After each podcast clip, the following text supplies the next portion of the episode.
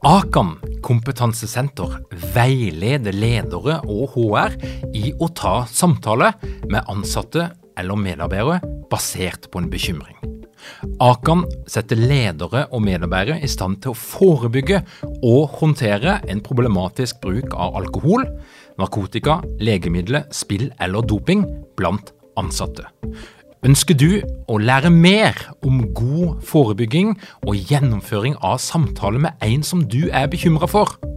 Da kan du nå få tilgang på Akan sitt digitale samtalekurs til spesialpris, kun 760 kroner.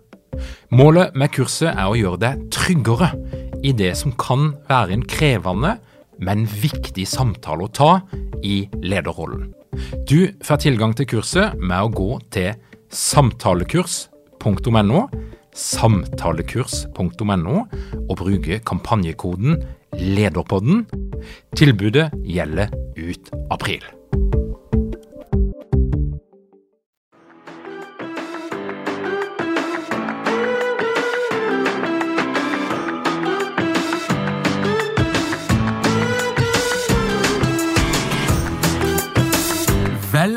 Velkommen til Lederpodden. Mitt navn er Tor Åge Eikerapen. Jeg jobber som organisasjonspsykolog med leder- og ledergruppeutvikling. Og dette her er en podkast om ledelse. I Microsoft sin siste Work Trend Index-rapport så foreslår de at AI er redninga for å få mindre utbrenthet på kontorbaserte arbeidsplasser. Men hva kan du som leder egentlig bruke AI til? Er det sant at ledere kan spare så mye som én time per dag på å sette opp en enkel automatisering basert på chat GPT, og åssen i huleste gjør du det? Alexander Haneng han er direktør for innovative partnerskap i Posten.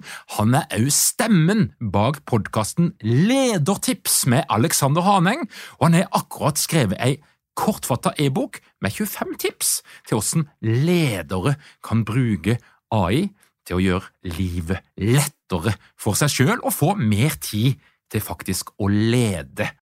Men først skal du få et par ord fra Ellen Holt, tidligere deltaker på lederprogrammet, som i dag jobber som leder i Sveko.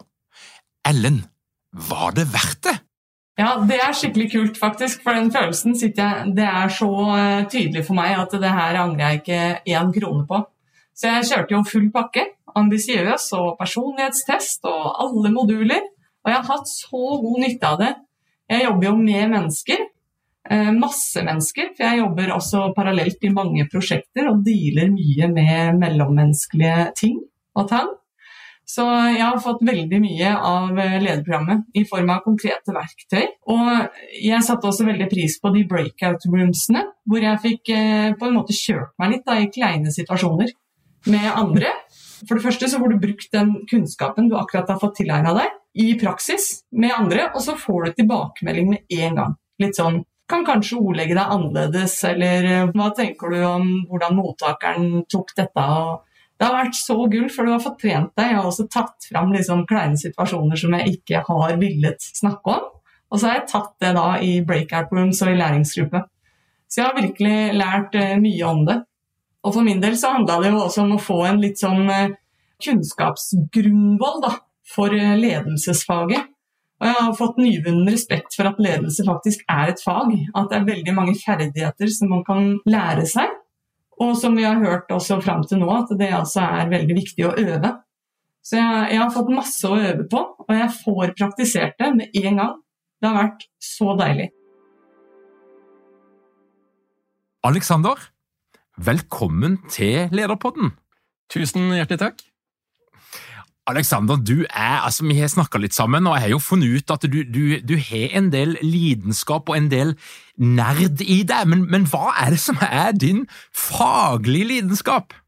Altså, Jeg er jo teknolog av utdannelse og blitt leder, så det er jo teknologi og teknologinerding og gadgets som vi snakket om litt før her, som er min store lidenskap. Men ikke minst hvordan det kan påvirke bedrifter. Og i eh, jobben din så, så, vil jeg jo tippe at du har en sånn dobbeltrolle. altså Du er på den ene sida leder sjøl, og, og, så er det jo sånn at du har et engasjement for å hjelpe ledere. Absolutt, det har jeg. Du, fortell litt. Eh, du starta altså et T-skjorteselskap på 30 dager med AI-designa motiv. Åssen gikk dette her til? Ja, det, var mer et eksperiment enn noe annet. Det kom egentlig ut ifra det at jeg har sett og testet og lekt med alle disse AI-verktøyene. ChatGPT er en av de, men du kan også lage bilder med Midjourney. Det fins systemer for å lage video eh, med syntetiske mennesker osv. Og, så og så tenkte jeg at det har vært gøy å gjort noe, teste det ordentlig ut. Og da ble jeg inspirert. Det var en amerikaner, og det som amerikanere flest, hva gjør de? Jo, de hadde spurt ChatKPT. Jeg har 1000 dollar gjør meg rik på 30 dager.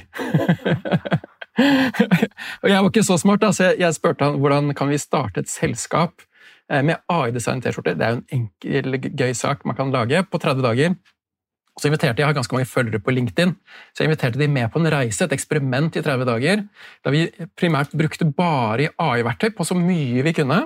Men samtidig på de viktigste beslutningene, sånn som navn på selskapet, retning osv., så, videre, så fikk vi AI-en til å komme opp med forslagene. Og så var det de som fulgte et eksperimentet på LinkedIn, som faktisk avgjorde det med sine, med sine stemmer. Mm. Så i løpet av 30 dager så lanserte vi faktisk å komme opp med en, et navn, eh, en logo, et slogan. Eh, ChatGPT skrev strategien vår. Vi fant et sted som kunne produsere T-skjortene våre på en miljøvennlig, bærekraftig måte. Og etter dag tolv så hadde vi solgt de første T-skjortene og var faktisk lønnsomme. det er det kalles startet som er. så det var et veldig veldig gøy reise, men som sagt et eksperiment. Og eh, Hva lærte du av dette her eksperimentet? Ja, altså noe av Bakgrunnen var jo ikke det å, bli rik på å selge T-skjorter, for det ble jeg heller ikke. eller noen av oss. Men det var egentlig et par ting. Det ene var å teste ut AI-verktøy så mange som mulig. Jeg så en rapport nå der de sa at det var 2000 nye AI-verktøy som kom ut de siste 30 dagene. 2000. Og vi ser jo de verktøyene som allerede er ute, blir bedre uke for uke. Eh, så det var å teste så mange av de som mulig. Og så er det en ting som jeg har tenkt mye på, er Gitt at alle har AI-verktøy, så spiller det egentlig ikke så stor rolle om du er i Kina eller USA eller i Norge. Det er hvordan du bruker de AI-verktøyene opp mot menneskene. Det er det som blir konkurransefordelen. Og Her testet de jo da ut å koble AI-ens intelligens med menneskets intelligens via sosiale medier og avstemning. Så sier jeg ikke at det er sånn man skal gjøre et selskapet sitt, men det var også testet det aspektet med AI. Du, og så hadde vi en sånn artig greie i forkant av denne samtalen. for jeg, Bare for å liksom ta det helt ut, så, så ba jeg jo eh, ChatGPT om å lage alle spørsmålene til dette her intervjuet. Jeg sendte de til deg, og så sa du at nei, jeg vil heller ha menneskeskapte spørsmål. Hva, hva er problemet med ChatGPT til den type bruk? Altså, ChatGPT kan gi deg 90-95% på veldig veldig mye, men det er veldig avhengig av hva du putter inn i ChatGPT òg. Det er ikke sånn at eh, du får som du spør, kan du si. Og tilsvarende, det er jo begrensning på hva slags kunnskap ChatGPT sitter på. Så ja, eh, jeg Og så er det jo da Nå har vi vært da er vi i mai 2023, og nå har det vært liksom tre-fire måneder der hvor alle eh, presentasjoner. Sist så var jeg på en stor AI-konferanse der en politiker sto på scenen og leste opp en lang tale. Og så var jo selvfølgelig poenget at det var skrevet av ChatGPT, og alle bare ah, enda en sånn. Så nå, nå, er vi forbi dette. Det var veldig mars. Det var mars 2023. Nå er vi forbi dette. Dette går så raskt. Kjære lyttere, hør, hør, hør, folkens. Altså, Det å komme med en tale eller spørsmål som er skrevet av ChatGPT, det er altså bare så mars 2023 totalt utdatert. Men når det er sagt, så det å bruke det som et rammeverk for å gi deg innspill, for å skape det 90 og så jobbe videre med, så er ChatGPT kjempefint. Mm.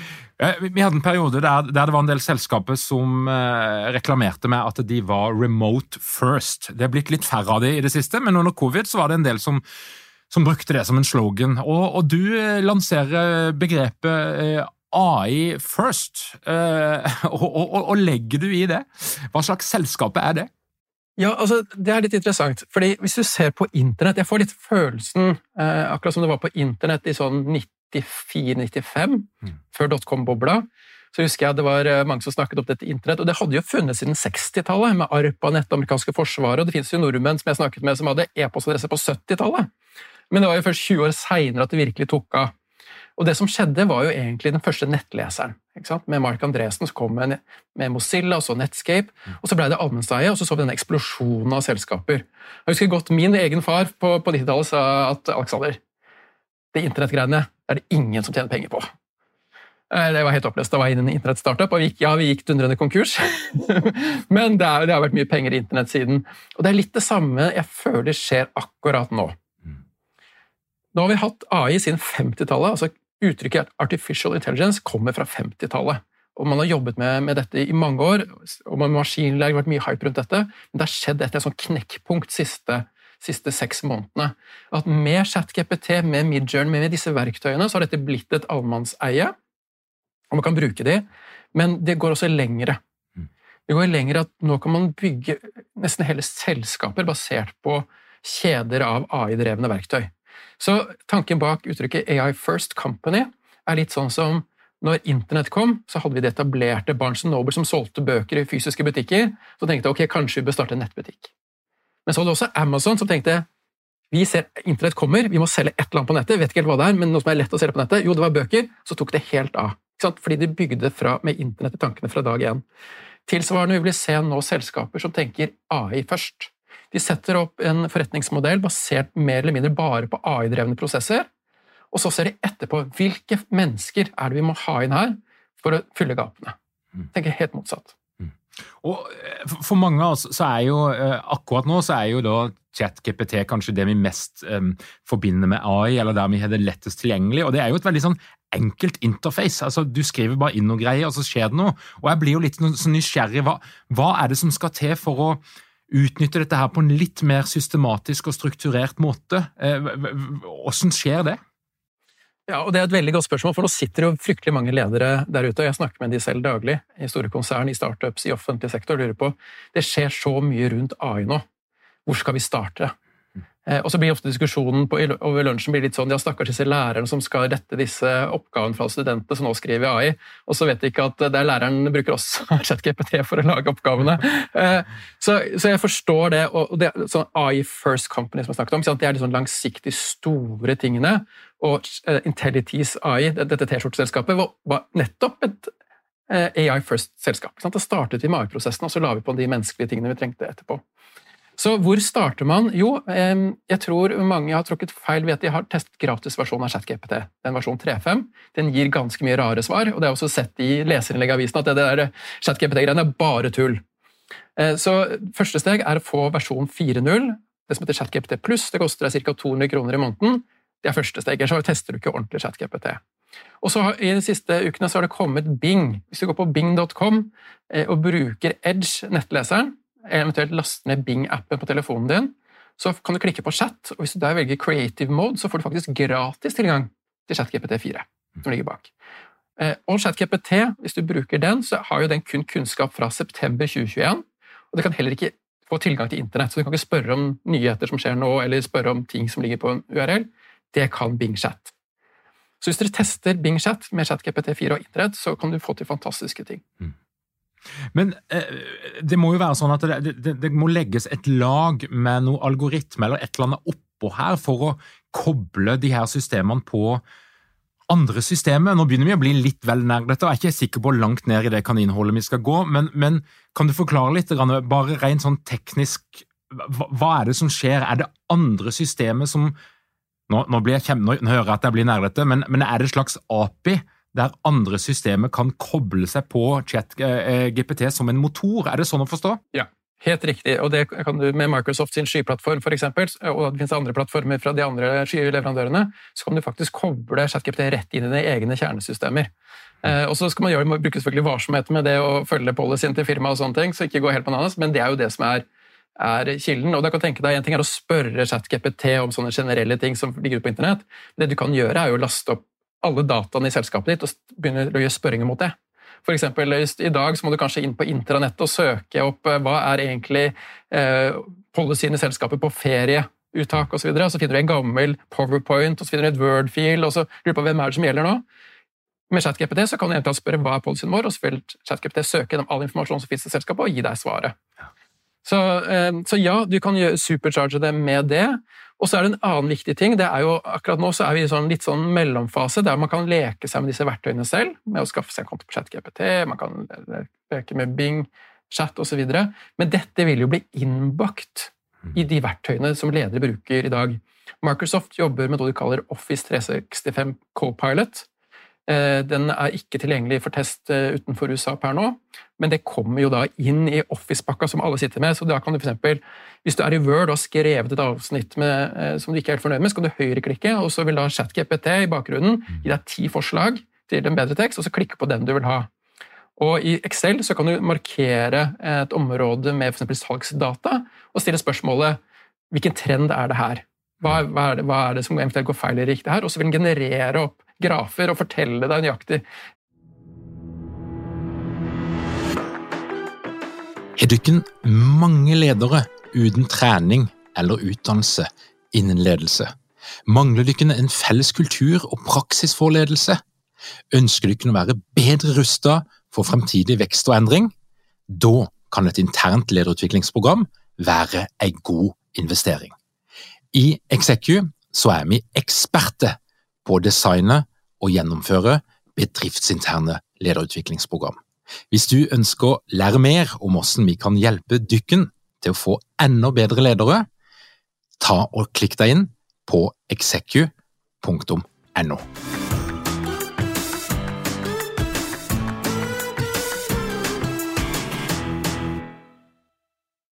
marginen har gått ned selv om salget har økt osv. Og, og i PowerPoint så kan du be den for bytte ut alle fontene til rød farge med bare skrive én gang, istedenfor å måtte klikke seg gjennom hele. Så dette vil jo komme inn i verktøy vi alle bruker. Fantastisk. Og du har jo vært ute og lova nå at alle ledere har potensial til å spare minst én time per dag av sin verdifulle tid gjennom å bruke noen av de her verktøyene. Hvordan kan du få det til? Ja, altså jeg tror det er viktig å eh, Med ChatGPT med AI så tror jeg de, veldig mange har vært inne og lekt seg litt. Grann testet, skrevet kanskje en liten limerick til fredagskaffen eller noe annet. Men det å faktisk sette seg ned og grave godt ned i disse verktøyene og lære seg det, tror jeg er viktig, for det er vanskelig å bare lese seg det. Du må faktisk leke deg fram til det. Mm. For å også på litt lengre sikt ikke bare spare den kanskje timen hver dag, men faktisk skjønne med konsekvenser. Hvordan kan vi bruke dette i vår strategi, hvordan kan vi bruke det i våre forretningsprosesser, med å koble dette API som vi snakket om i stad. Så Derfor syns jeg dette er viktig at ledere setter seg ned og leker seg med å gjøre i dag. Og jeg tror du kan, Den timen du sparer, den kan du da bruke på å se framover på hva du kan bruke AI. Så jeg har skrevet en veldig veldig kort, veldig konkret eh, e-bok som finnes på haning.com. slash AI. Du, du, stoppe deg. Alexander, er det du eller ChatGPT som har skrevet den boka? Jeg har skrevet mesteparten, litt støtte av eh, ChatGPT, fordi det som ligger i denne boka, er tre konkrete verktøy. Denne Bing-chat jeg snakket om, ChatGPT og Midjourney for å generere bilder.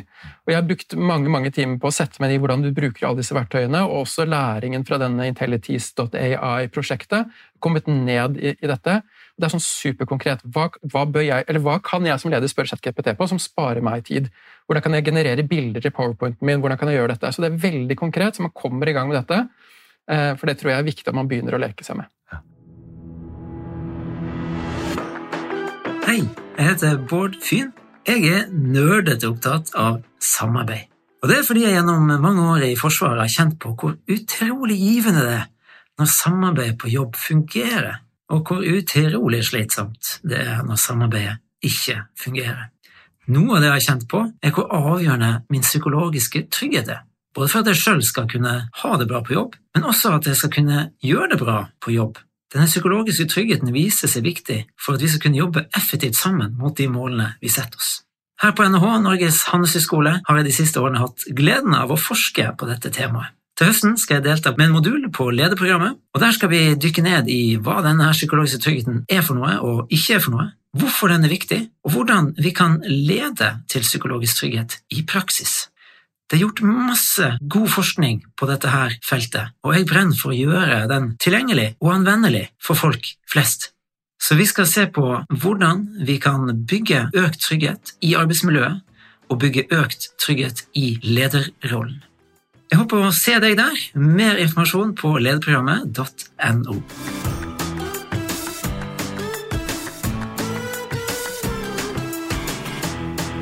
Og hvis du skal dele ett tips som du tenker at de fleste ledere vil kunne dra nytte av og spare noe tid på, så skal du spare de 24 tipsene som er i boka, men hvis du skal dele ett tips som du tenker at det er det mange som kan teste ut, hva ville det vært? Ja, altså Jeg vil jo anbefale å teste dette Midjourney. For ChatGPT har mange testet og, og prøvd, men med Midjourney den er litt sånn krøkkete å bruke, faktisk, men det er ikke noe verre enn at du klarer å sette inn det hvis du kan bruke Word, og kan lære det i Word, eh, for å generere bilder. Og det er fantastiske bilder av levende mennesker, det kan være som kunstverk osv., som du kan bruke i presentasjonene dine, bruke i artiklene dine. De er gratis å bruke, det er ikke noe copyright. Eh, og så kan du da slippe å bruke de forferdelige standardbildene som du alltid bruker i presentasjonen din. Ja, veldig veldig godt tips. Og så, så, øh, så vil jeg lure litt, Alexander, for jeg har fått noen hint av folk som sier at hvis du skal få noe virkelig bra ut av ChatGPT, så, så handler det om at du må bruke riktig prompt. Altså, du må, du må være litt smart i måten du skriver på. Eh, er det noen teknikker der, eller noe? Kan du forklare litt hva, hvordan gjør en dette her? Absolutt, og det er jo litt interessant hvis du ser på nye jobbtitler som nå dukker opp eh, borte i USA. Så det er sånn prompt engineer, altså prompt ingeniør, altså være ekspert på hva du skal dytte inn i ChatGPT. Og andre sånne AI-verktøy er nå et egen, egen rolle. Eh, så ja, det finnes masse bra eh, ting. Så et godt tips det er faktisk Hvis du stiller spørsmålet 'skriv en strategi for selskapet mitt', så får du selvfølgelig opp en strategi eller markedsføringsplan. Men hvis du skriver 'som en ekspert på markedsføring' og med masse års erfaring', lage strategi for selskapet mitt. Da vil du få en mye, mye bedre svar. Fordi Utgangspunktet er at han ser på deg som en, en lekmann, kan du si, som til en annen lekmann. Eh, men hvis du ber ham være en ekspert på noe, så får du mye bedre svar. Veldig interessant, og ganske lite intuitivt, egentlig, sånn, hvis du bare har vært inne og lekt litt. Eh, men hvis vi skal zoome ut litt, da. Um, uten at det er liksom din greie, kanskje, men hvilke yrkesgrupper er det som bør føle seg litt trua akkurat nå? Ja, det er litt interessant. Jeg har jo vært eh, teknolog på min hals. Jeg startet programmere da jeg var ti år og tenkte liksom, hva er datamaskiner gode på, og hva er mennesker gode på? Og Det vi alltid har sagt, er jo at datamaskiner er gode til å gjøre beregninger, analyse, disse tingene. Ikke kreativitet. Det er det mennesker som alltid kommer til å være. Vi kommer til å være kreative. Men fy søren så mye kreativitet det er i AI-verktøyene nå. Eh, med, med, bildegenerering, videogenerering, kunst altså Det var jo en AI som vant en kunstkonkurranse. Fikk du med deg det? Borte i USA. Så, så, så, de tingene som vi trodde var trygge for et år siden, er ikke lenger trygge.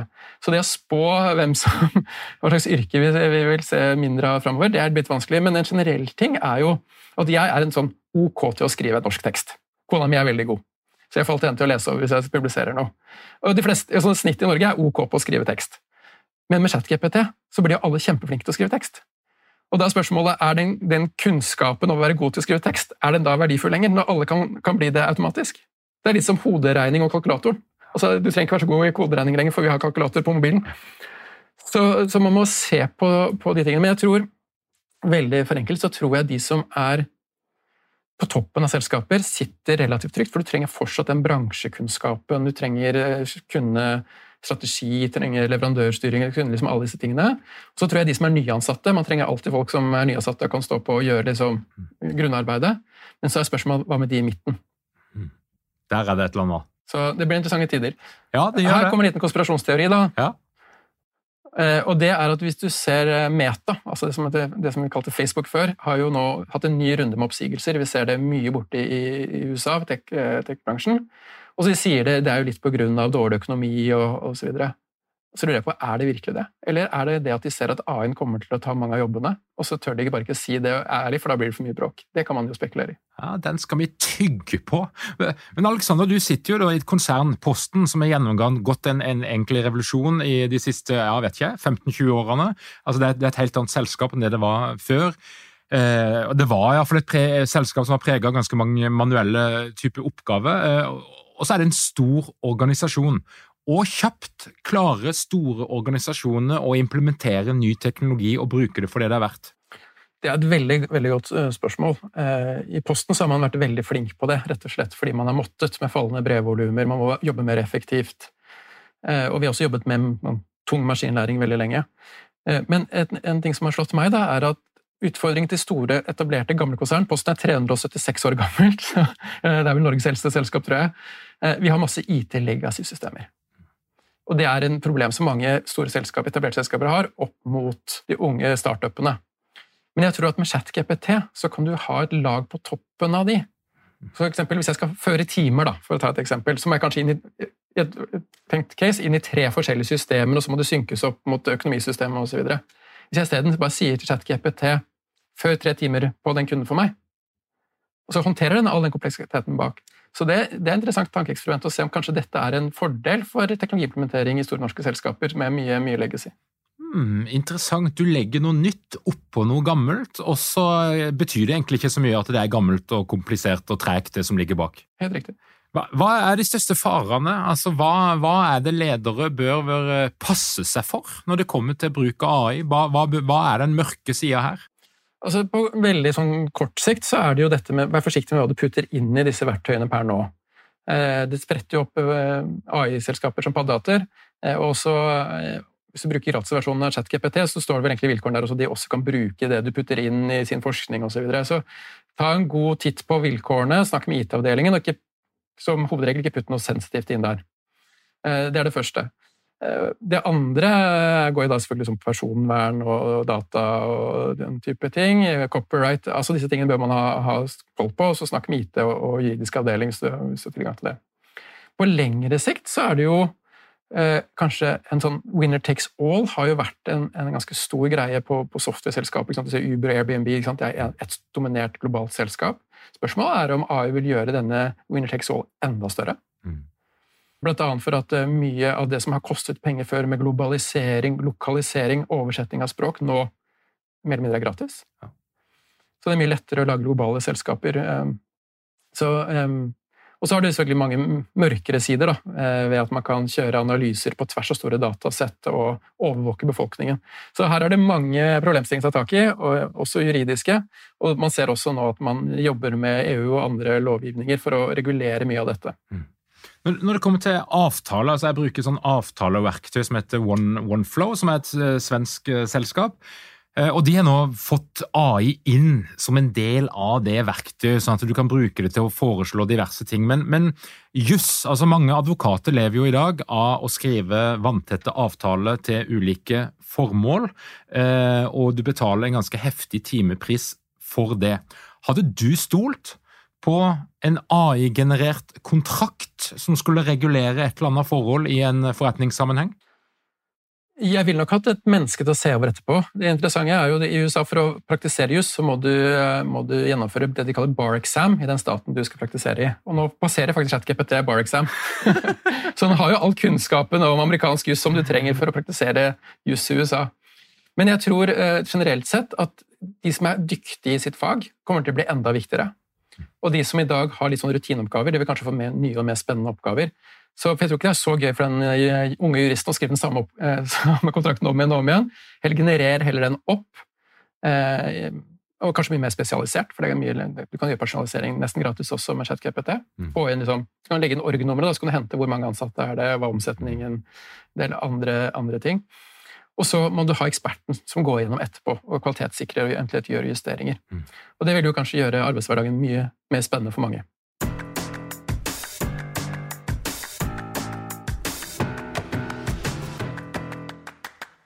Alexander, er det noe som du har lyst til å melde ut til Lederpoddens eh, lyttere, bortsett fra at de må sjekke ut boka di og podkasten din, og som jeg ikke har spurt om?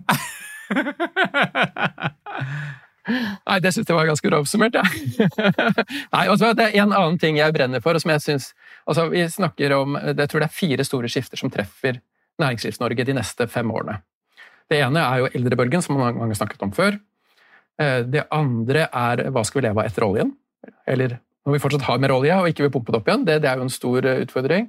Eh, det tredje er AI, som vi har snakket om nå, og den aller siste er dette med sirkulær økonomi.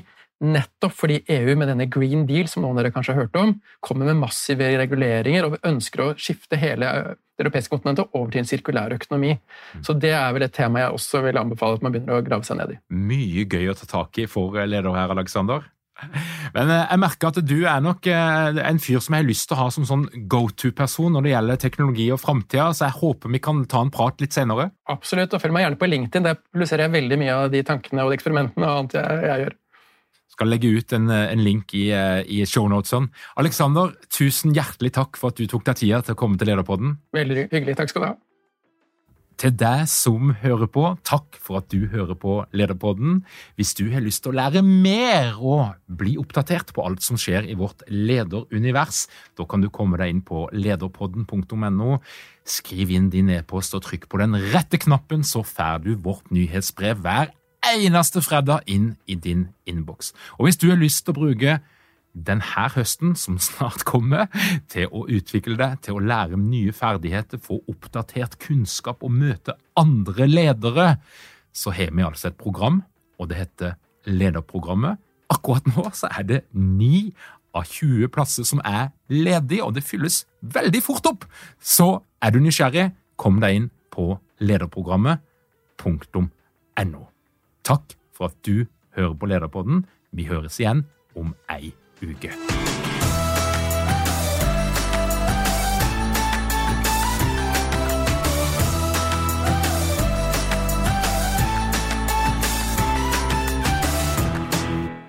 Lederpodden er gitt til deg av Execu.